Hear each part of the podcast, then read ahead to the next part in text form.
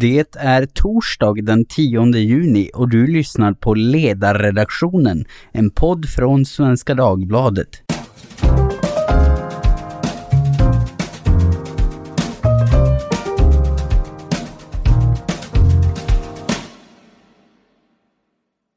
Idag ska vi prata övervakning och avlyssning, ett hett ämne efter den lyckade FBI-ledda operationen Trojan Shield, där anmärkningsvärt många av de gripna, 155 av totalt 800 globalt, eh, befann sig i Sverige.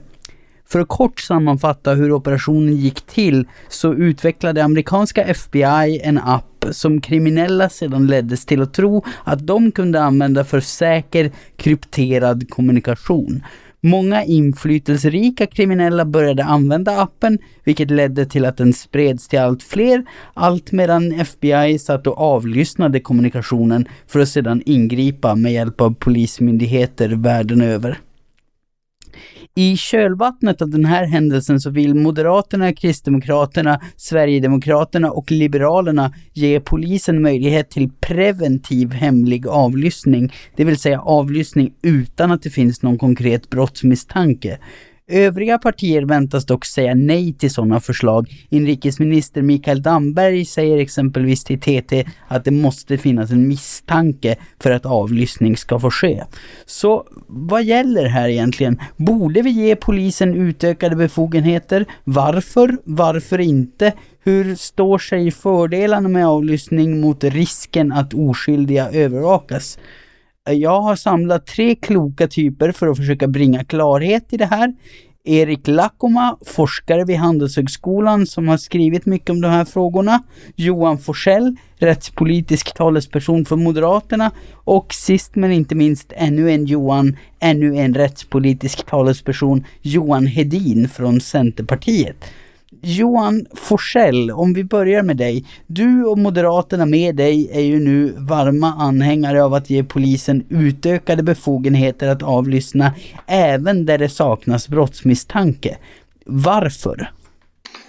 Ja, om man ska vara lite noga så är det ju så att eh, vårt förslag innebär ju att man ska kunna ge det här tillståndet till ytterst en domstol eh, för att kunna använda hemliga tvångsmedel mot aktiva gängmedlemmar. Det är ju inte något tal om någon massavlyssning här eller att kunna avlyssna folk lite i största allmänhet utan detta är ju förenat med en lång rad olika rättssäkerhetsmekanismer. Ungefär samma mekanismer som man kan säga idag saknas när vi får den här informationen från andra länder. Och alla politiker eh, verkar ju hoppa jämfota över att vi har fått den informationen och att man kan lagföra då personer som har begått väldigt allvarlig kriminalitet med det. Men eh, jag tycker att det är väldigt defensivt att låta andra länder göra det här grovjobbet åt oss. Utan jag menar att det är hög tid att Sverige, att vi tar ansvar för våra egna problem och ser till att skaffa en modern lagstiftning som möjliggör bättre, alltså som helt enkelt ger polis och åklagare bättre möjlighet att kunna lagföra de här personerna som skapar så mycket elände för så många människor i vårt land.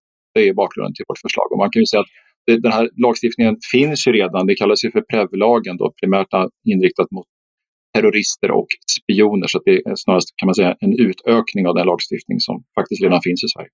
Mm. Och Johan Hedin, du och ditt parti, Centerpartiet, ni förhåller er desto mer skeptiska till den här typen av åtgärder. Varför det? Mm, ja, först vill jag tänka, vi, vi kan absolut tänka oss att titta på alla möjliga förslag och skulle ett skarpt förslag ligga som har för, föregåtts av en rejäl utredning och en remissrunda så, så kommer vi ta ställning till det givetvis. Men vi tror att det finns andra mer verksamma förslag som skulle kunna ha bättre effekt eh, utan att medföra de betydande risker som det här förslaget medför. Och eh, när det gäller att försöka inrikta det mot aktiva gängmedlemmar, det låter ju säkert bra, men det, det är inte alldeles självklart hur man kan göra det. Det är inte så att de här gängen har matriklar. Eh, och så, men det finns ett ganska bra urskiljningskriterium faktiskt och det är att det just finns en brottsmisstanke. Och jag har aldrig hört någon klaga på att det finns brist på brottsmisstanke mot gängkriminella. Det är ju snarare tvärtom, att de begår för många brott. Så att där tror jag att, att man skjuter lite bredvid målet. Samtidigt som det finns stora rättssäkerhets eh, bryderier och, och, tänka på risker som jag inte tycker att förslagställaren riktigt har, har eh, redogjort för hur man tar hänsyn till. Alltså vänner så länge kan ju skämta både grovt och opassande med varandra i telefon och på ett sätt som faktiskt gör att rättsvårdande myndigheter måste inleda en, en förundersökning. Och redan där så finns det ju, eh, kommer den enskilda i kläm. Eh, och det går ju så långt i vissa fall så folk till och med sätts frihetsberövade och häktade på, på lösa boliner. Och det, det tror inte jag är rätt väg att gå och det snarare riskerar att urholka förtroendet för, för rättsstaten än att lösa problem. Samtidigt som vi vet att det finns alternativ att åstadkomma samma brottsbekämpande effekt. Så vi, vi jobbar hellre med andra förslag. Mm, vi ska prata lite mer om det sen, vad, vad man då ska göra om man inte ska avlyssna mer. Men Erik, du har ju skrivit kritiskt om ropen på avlyssning utan brottsmisstanke. Och när vi pratade inför den här podden, då lyfte du bland annat fram att tidigare övervakningsåtgärder, datalagring och så vidare, som, som har påståtts vara ämnade nästan uteslutande för bekämpning av just grov brottslighet. De åtgärderna har sedan kommit att användas på helt andra sätt. Kan du utveckla det lite grann för lyssnarna? Ja, alltså det man vet om den här typen av så att säga, avlyssningsåtgärder eller tvångsmedel i största allmänhet är ju att när de säljs in politiskt så brukar man ofta beskriva dem att de här är nödvändiga för att komma åt så att säga, väldigt grova, väldigt spektakulära brott som eh, alla vill bekämpa. Till exempel datalagringen så sa man från politiskt håll vid de grövsta brotten grov organiserad brottslighet och terrorism. Och sen när vi såg det här, det har aldrig utvärderats officiellt men däremot så har teleoperatörerna så att säga, redovisat hur många begäran om datalagringsuppgifter de fick och det var ungefär eh, 10 000 uppgifter i månaden som begärdes in, alltså inte 10 000 begär, men omfattande sådana. Vilket huvudsakligen inte rörde terrorism som tur är, eller grov organiserad brottslighet som tur är, eftersom vi inte har så många sådana brott i Sverige. Utan huvudsakligen taxeringsärenden och upphovsrättsbrott. Eh, och det sa man inte vid införandet. Det andra är till exempel det här som togs upp senast, eh, hemlig dataavlösning som infördes nyligen sa skulle användas något tiotal gånger om året stod det. Och det gavs i storleksordningen 500 tillstånd första året. Så att, eh, det tenderar, alltså när de här finns på plats så tenderas de att användas och de utvärderas inte. Det finns utvärderingar från, från andra länder som inte pekar på att de är särskilt effektiva. Men det vi vet så att säga, konkret om Sverige det är att eh, det finns, alltså, när de är på plats så kommer de användas även i sådana fall där de inte har beskrivits vid det politiska införandet. Och det måste man också ta med när man, när man utvärderar om ska göra en proportionalitetsbedömning om det här är lämpligt eller inte. Och så ska man kanske se på det här med diskussioner om gäng. Att, eh, eh, jag är inte så förvånad att, att det beskrivs på det här sättet just nu men, men vi får väl se om det skulle bli verklighet. Jag är inte säker på att det blir det. Jag tror att till exempel Lagrådet kommer att ha synpunkter på den här typen av förslag. Men, men eh, om det skulle bli fallet ändå så misstänker jag att det kommer att användas fler, än, i fler fall än mot gängmedlemmar. Ja. Och Johan Forsell, vad, vad, svarar du då när du hör det Erik och delvis även Johan Edin säger här? Är det inte legitimt att oroa sig för att de här åtgärderna faktiskt kommer användas mot helt andra än gängkriminella på ett sätt som kanske blir i överkant integritetskränkande?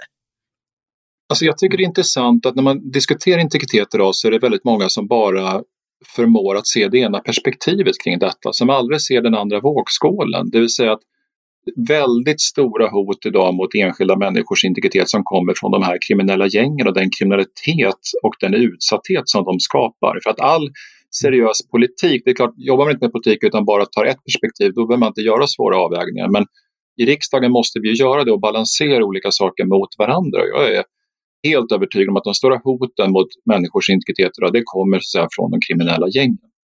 Sen är det också så att mm. eh, all lagstiftning måste ju beredas på ett bra sätt. Och där, jag är lite förvånad över att Johan Hedin säger att om det kommer ett förslag uh, som ska utredas, för att det var ju det som vi ville idag. Eh, och det står ju att, att, vi vill att det här, eh, självklart måste det utredas, man kan ju inte snyta fram den här lagstiftningen. Så att där har ju, hade Centerpartiet idag valt att eh, i justitieutskottet rösta för det så hade vi kunnat få en sån utredning på plats som hade kunnat titta på alla de här svåra frågorna och utformat ett, ett bra och rimligt förslag. Men, men det finns ju fortfarande tid att ändra sig om det är så.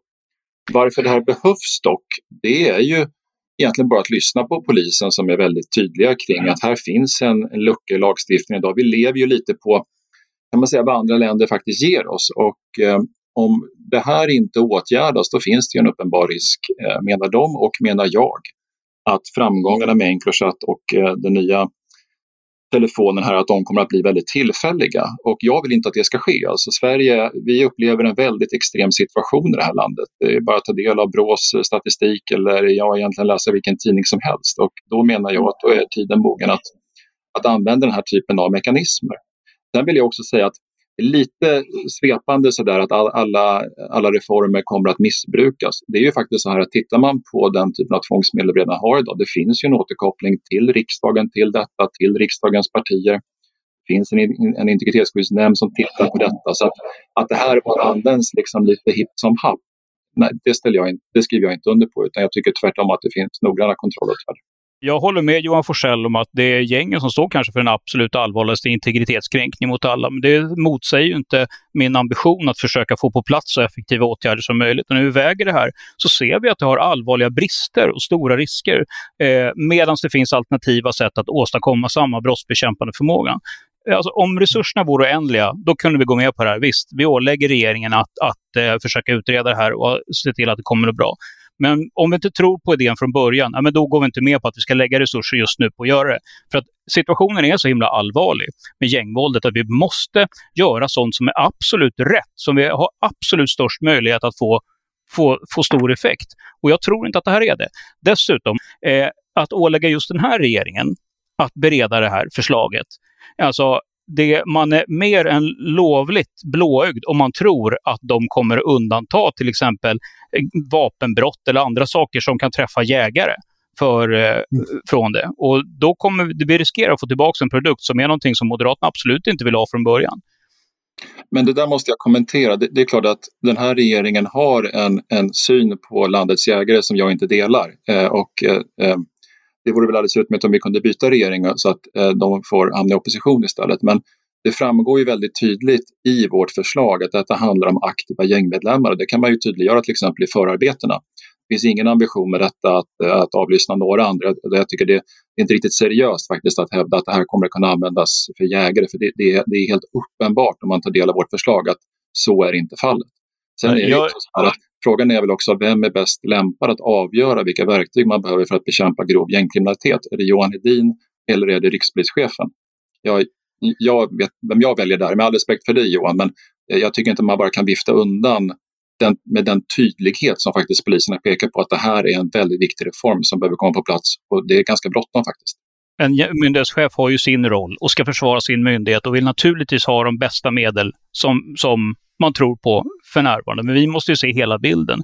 Och eh, jag ser en betydande risk att vi skickar ut polisen på en massa uppslag som de ska följa upp där det inte finns brottsmisstanke som visar sig vara villospår. Skicka ut dem på vilda gåsjakter som det heter på ren svenska som kommer ta oerhört mycket resurser i anspråk. Resurser som skulle behövt användas till att utreda brott där det faktiskt finns brottsmisstanke. Och sen återigen, alla som förstår någonting om lagstiftning vet att det är inte alldeles lätt att identifiera aktiva gängmedlemmar. Det är skillnad när det är terrorism eller spioneri. Eh, de här gängen har inga medlemsmatriklar. Det finns löst sammansatta nätverk. Det är en betydande arbetsinsats som krävs för att göra en sån definition. Och jag är inte alldeles säker på, eller snarare tvärtom, jag är ganska säker på att det är väldigt, väldigt svårt att hitta en sån definition som blir både träffsäker och rättssäker. Men jag tror att du faktiskt underskattar svensk polis där och det grövsta. Därför att talar man med dem idag så de har ju väldigt bra koll. Mycket, mycket bra koll på vilka personer det här gäller. Vi ska låta Erik eh, Lackoma komma in här. Jag såg att du ville säga något Erik.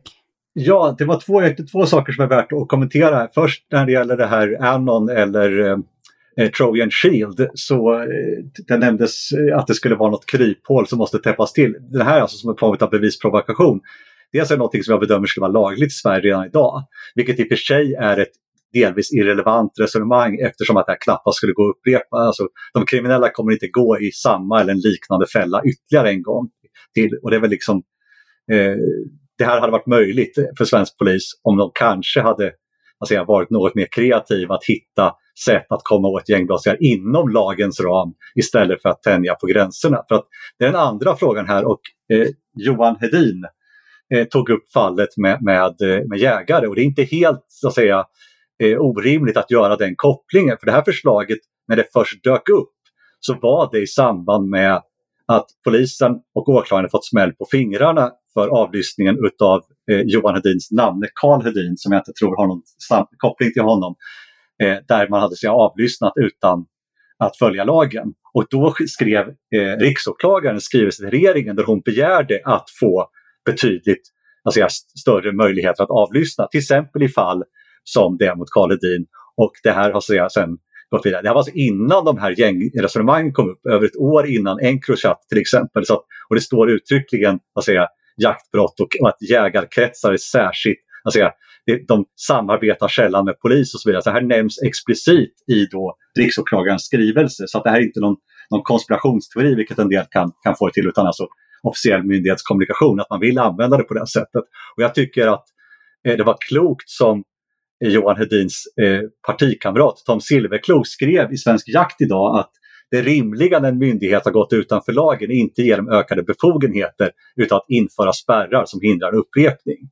Så att, eh, det är väl egentligen två frågor. Dels vissa möjligheter som diskuteras, de finns redan idag och de andra kanske inte myndigheterna, eh, polismyndighet och åklagare är eh, säga, lämpligt att de får eftersom de har visat att de inte kan hantera de verktyg de har redan idag. Nej, och du, du skrev ju, Erik, eh, en, en, kritisk text om just avlyssningen i Karl Hedin-fallet i Timbros nätmagasin Smedjan. Och, och, där skrev du då att vill man komma åt kriminella gäng, då vore det bättre att hålla sig till att se till att de som faktiskt begick brott satt inlåsta längre. Är, är det vad du tror att man borde rikta in sig på istället för utökade avlyssningsbefogenheter? Alltså ska man, ska man ha forskarhatten på sig att man tittar på vad är det som fungerar? Och där gäller dels, eh, det finns väldigt lite vetenskapliga utvärderingar av den här typen av tvångsmedelsanvändning. Dels för att den är ny och dels för att det är svårt att göra olika typer av experiment. Det närmaste man har kommit det det här var egentligen den studie som Europaparlamentet gjorde av datalagring. Den visade sig att det fanns alltså ett negativt samband mellan användning av datalagring och brottsuppklaring. Och det är inte helt eh, så att säga, orimligt att det kan bli så. Det, metoden, jag kan inte kausalt identifiera det här, men till exempel att man, man ska lägger krutet på någonting som inte fungerar för att man har det verktyget istället för någonting som fungerar. Och det som fungerar som det finns solitt stöd för, det är polisnärvaro. Det finns en jättebra studie i till exempel senaste Review of Economics and Statistics från maj utav Iceberg som handlar om polisnärvaro och effekterna på brottslighet med en väldigt eh, så att säga, avancerad metod som gör att man kan få titta på kausal, eh, kausala effekter. Det andra är att om brottslingar sitter inlåsta så kan de inte begå brott och det gäller även gängkriminella. Det, dels finns det vetenskapligt stöd för det och dels är det tämligen självklart att om man eh, låste in de här på ett tidigt stadium så skulle de inte kunna begå nya brott under den tid som de satt inne. Och där har vi problem i Sverige att, att eh, straff för framförallt många säga, mängdbrott är väldigt låga och vi har också straffkonsumtion som gör att eh, så att säga, man får väldigt stora rabatter om man begår väldigt många brott, vilket då yrkeskriminella i form av gängmedlemmar gör. Så att det finns saker som bevisligen fungerar som eh, man kanske borde fokusera på istället för att hitta på nya tvångsmedel. Slutligen kan jag spela in här det är att man tittar vad som har hänt när det gäller polisen. Det är till exempel att antalet poliser i yttre tjänst har i absoluta tal sedan 1999 minskat med, med drygt 29 procent och ännu mer i förhållande till befolkningen. Så att det som vi vet fungerar, det vill säga poliser som är ute på gator och torg som kan ingripa mot alla typer av brottslighet och även, även förebygga brott. Det satsar vi mindre på och det som vi inte vet fungerar men som många gånger drabbar andra personer de som faktiskt är brottslingar är, är sånt som man från myndighetshåll lobbar från och det är, det är lite märkligt tycker jag. Ja, eh, Johan Hedin, vad säger du om det här? För ett vanligt mothugg som väl även din kollega Johan Forsell lite grann ger uttryck för, det är ju att ja, men vill man inte ha den här övervakningen, vill man inte ta i med alla de hårdhandskar man har, då, då är man för flat mot de kriminella. Men om man då inte ska avlyssna mer, vad kan man göra som lagstiftare? Är det hårdare straff eh, och mer resurser till polisen som gäller? Eller, eller vad vill du och ditt parti göra istället? Alltså, när jag tog över som rättspolitisk talesperson 2014, då hade jag, jag jobbade med, med en sägning som jag försökte lansera. att vi vill vara tuffa mot kriminella, men inte mot andra. Men det var ingen som fattade det, för att liksom man är antingen tuff eller inte tuff. Och jag tycker att det här eh, det här exemplet som vi diskuterar idag blir det ganska talande att men där det finns brottsmisstanke, där ska vi kunna gå fram med ganska så hårda medel, även sånt som är djupt integritetskränkande, för att vi måste ta oss de, de, den rätten att eh, få de här människorna bakom lås och bom. Eh, vi diskuterar straffrätten som Erik var inne på. Där tror jag att det finns mycket att göra och där får man titta på forskningen så är det finns ju en viss ålderskategori som är otroligt överrepresenterad i, i, i statistiken. Så att få människor inkapaciterade under en längre tid under sin mest brottsaktiva tid, det är absolut verksamt när det gäller gängkriminalitet.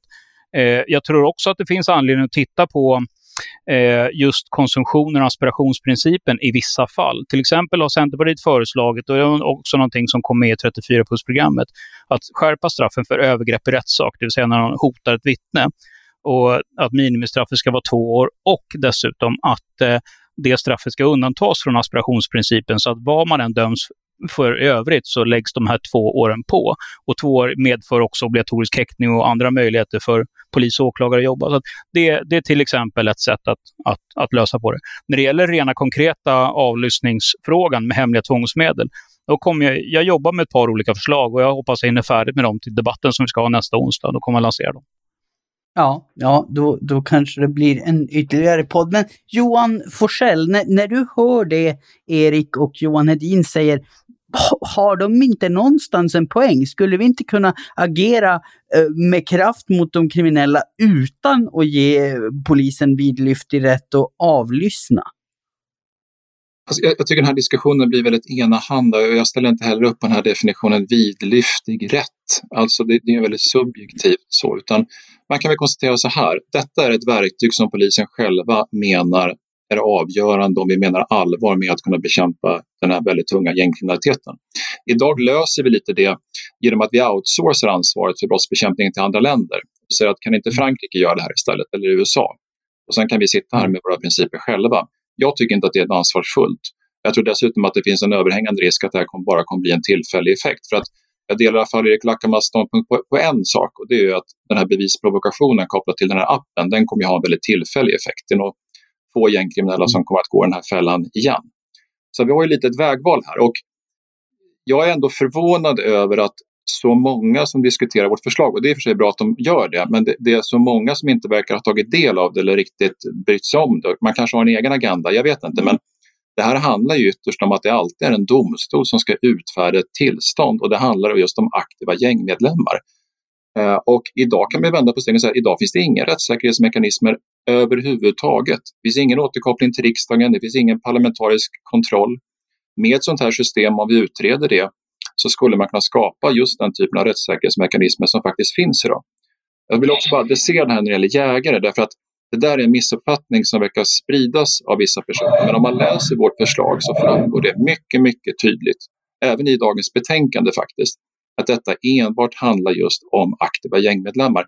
När man sprider påståenden om att det där ska kunna användas lite hipp som happ och det är någon jägare här, någon sportskytt där, vad vet jag. Då, då diskuterar man faktiskt inte den här frågan riktigt seriöst utan då, då sprider man så att säga medvetet eller omedvetet rena falsarier. Och eh, det kan ju vara så att man inte tycker att övervakning egentligen behövs överhuvudtaget och det kan vara en annan diskussion. Men det, de träffas inte av vårt förslag. Det kan man inte påstå faktiskt om man har tagit del av det vi skriver. Alltså det finns en betydande svårighet att göra en rättssäker och träffsäker de definition vad som är kriminella gäng. Det ett bra urvalskriterium är ju just brottsmisstanke, så varför inte luta sig mot det? Nej, men det går att ställa upp väldigt tydligt i förarbeten vad det handlar om. Det går att ställa upp väldigt tydligt vilka brott det, det berör. Men ska vapenbrotten undantas från det? Nej, men Johan, det är ju så att det vet väl du hoppas jag att polisen har ju väldigt bra koll idag på vilka personer det här är. Och ytterst är det alltid en domstol som ska säga ja eller nej till det. Eh, ja. Och är det så att det mot förmodan, vad nu polisen skulle ha för intresse att avlyssna någon random person på stan, att man inte kan motivera det, då kommer det att bli ett nej i domstolen. Det är det som är det fina med vårt förslag. Det är den typen av mekanismer som inte finns idag när man istället tar emot den här informationen från andra länder. Alltså jag måste bemöta det också. Det är klart att polisen har god, förhoppningsvis har väldigt god koll på vilka som är gängkriminella idag. Men vi kan ju inte eh, lagstifta utifrån en namnlista som vi får från polisen. Vi måste ju lagstifta generellt, principiellt, så att vi träffar även framtida gängmedlemmar.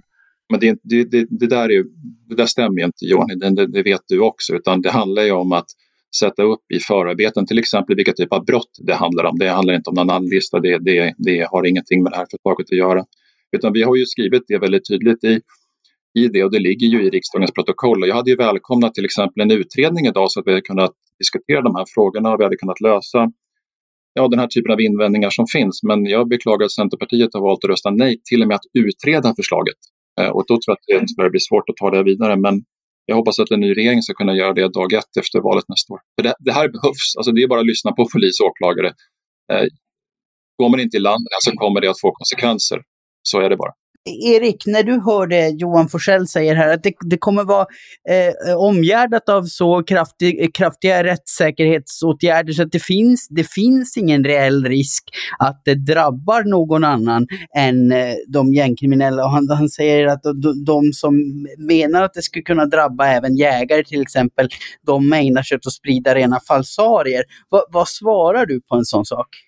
Ja, eller den första frågan är ju att eh, poliser och åklagare är precis som forskare och politiker människor som svarar på incitament. Eh, finns det en press på, på dem att uppnå vissa saker? Eh, både handlar om till exempel det som inom polisen kallas för pinjakt, det vill säga att man försöker redovisa så många uppklarade brott som möjligt.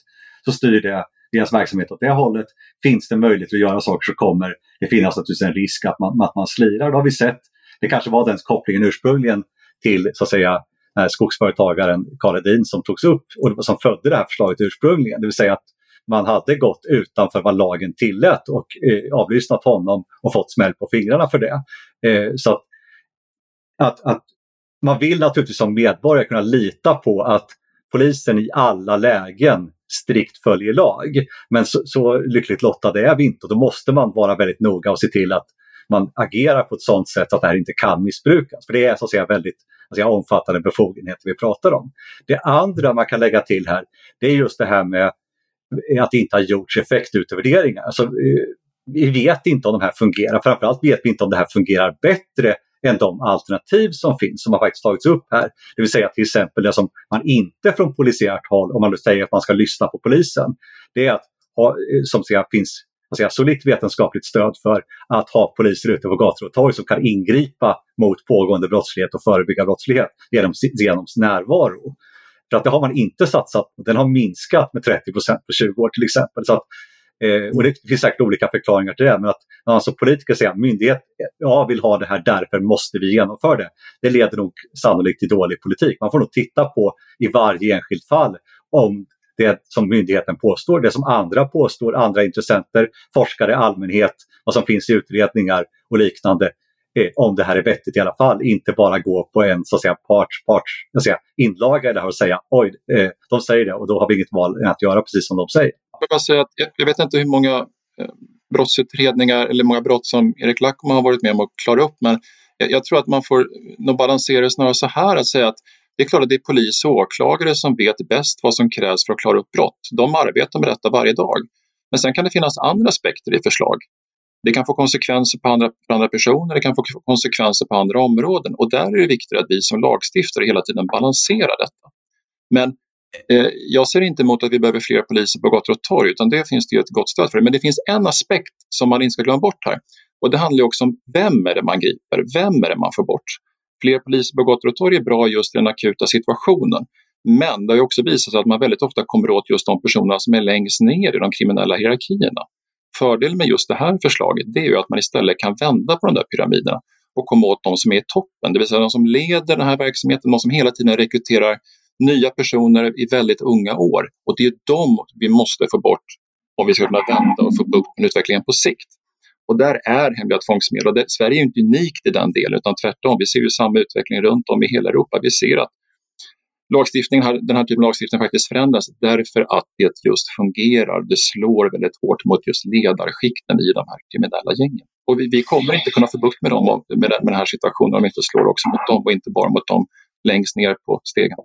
Nej, det här lär vi väl fortsätta träta om. Förhoppningsvis får vi ännu mer forskning, ännu mer utvärderingar och, och, lite mer kött på benen innan vi beslutar oss för att göra på en det ena eller en det andra sättet. För att man, man kan ju inte veta vad som fungerar och inte om man inte faktiskt har utvärderat det. Det är en linje vi driver ganska hårt här i podden på ledarsidan, att man måste utvärdera vad som fungerar och vad som inte gör det och agera därefter. Men nu börjar vi nosa på halvtimmesgränsen här så att med det så får jag säga stort tack eh, till Johan och Johan Forsell respektive Hedin, rättspolitiska talespersoner för Moderaterna respektive Centerpartiet, samt till Erik Lakoma, skribent och forskare vid Handelshögskolan.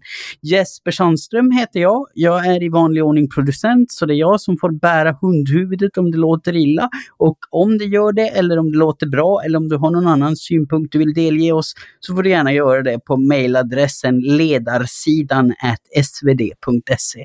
Kom också ihåg att lyssna på vår grannpodd Dagens Story, ett njutbart och tidseffektivt sätt att få lite bättre koll på aktuella frågor. Förhoppningsvis är det så du ser på den här podden också.